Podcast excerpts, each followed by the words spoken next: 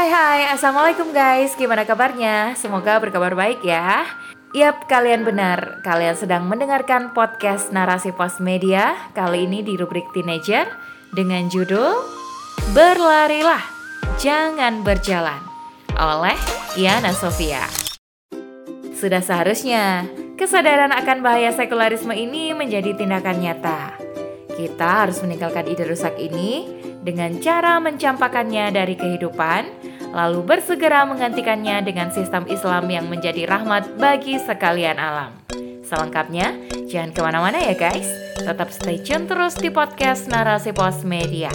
Narasi Pos, cerdas dalam literasi media, bijak menangkap peristiwa kunci.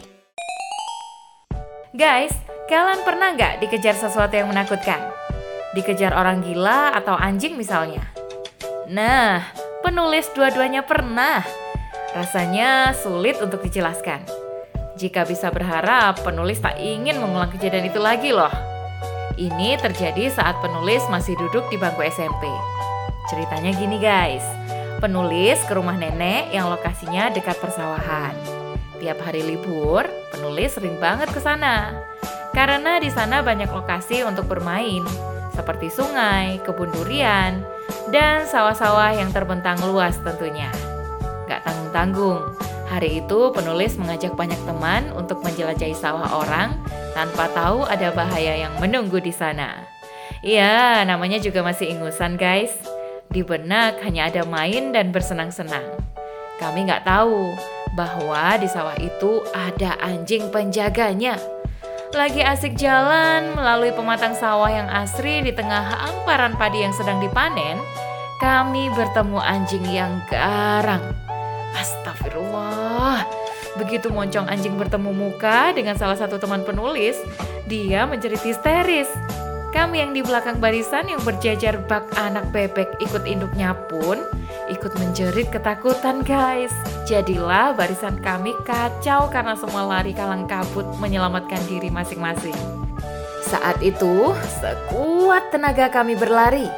Tak peduli suara kiri kanan yang meminta kami jangan lari, ada yang nangis, ada yang ketakutan, dan ada yang jatuh juga guys.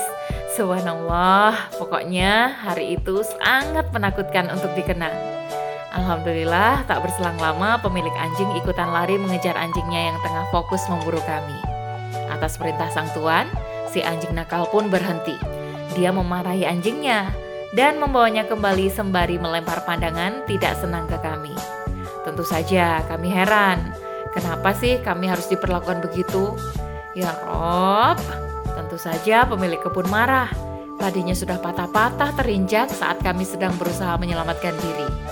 Kami pun malu sekaligus menyesal. Itu baru satu kisah guys. Cerita berikutnya, dikejar orang gila. Nah, kisah ini terjadi saat penulis sudah di bangku kuliah. Suatu hari sepulang dari hangout bareng teman, salah satu teman penulis sakit perut sambil mengaduh. Daripada nanti pingsan tengah malam gak ada orang dewasa untuk dicari bantuan, kami sekos mengusulkan untuk dibawa saja ke rumah sakit. Berhubung yang sakit masih kuat jalan kaki dan rumah sakit pun lokasinya dekat, jadi kami putuskan pergi berdua. Sementara teman-teman lain menyusul. Singkat cerita, kami sudah di perjalanan nih, mengikuti jalan raya yang mulai sepi oleh kendaraan dan orang-orang yang biasanya berjualan di sisi kiri dan kanan jalan. Sampai mata kami menangkap gerbang rumah sakit. Di situlah kami bertemu orang gila. Kami saling tatap dengan pandangan awas, sangat berharap si orang gila gak terusik dan mengganggu kami yang sedang diberi ujian ini guys.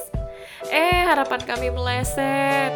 Si orang gila mendekat dan langsung mengejar dalam jarak dekat. Ya Allah, kaget banget guys. Lagi-lagi penulis harus merasakan dikejar oleh sesuatu yang menakutkan. Di saat itu tentu saja kami berusaha berlari sekuat tenaga di mana di saat yang sama orang yang sakit itu juga mengejar kami sekuat tenaga. Rasanya tak kalah menakutkan dengan dikejar anjing di kisah pertama. Apalagi kondisinya tengah malam dan lokasinya agak sepi. Dalam kondisi itu, penulis bahkan lupa apakah teman penulis yang sakit itu kuat berlari. Dan ternyata dia kuat guys. Seolah tak merasakan sakit apa-apa kecuali fokus berlari, berlari, dan berlari hingga pastikan posisi kami aman. Masya Allah guys, Dua kisah tersebut mengandung pelajaran berharga untuk penulis dan teman penulis juga. Karenanya, penulis ingin membagikan kisah ini agar kita bisa memetik hikmah darinya. Nah, pertama, berlari dari bahaya adalah reaksi normal bagi setiap manusia. Berlari adalah salah satu upaya bagi kita untuk terhindar dari bahaya yang kita takutkan yang mengancam keselamatan jiwa. Kedua, karena berlari adalah upaya untuk menghindari bahaya, maka hal ini tentunya related dengan bahaya-bahaya lainnya yang tak kalah mengancam. Misalnya bahaya pornografi, seks bebas, narkoba, dan hal-hal lain yang kita yakini itu fix menimbulkan kerusakan yang fatal. Kita wajib berlari darinya.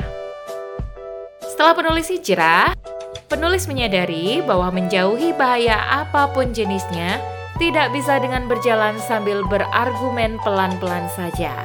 Saat kita sudah tahu ada bahaya yang siap menerkam kita, kita wajib menghindarinya dengan berlari sekuat tenaga, bukan malah berjalan santai atau pasrah.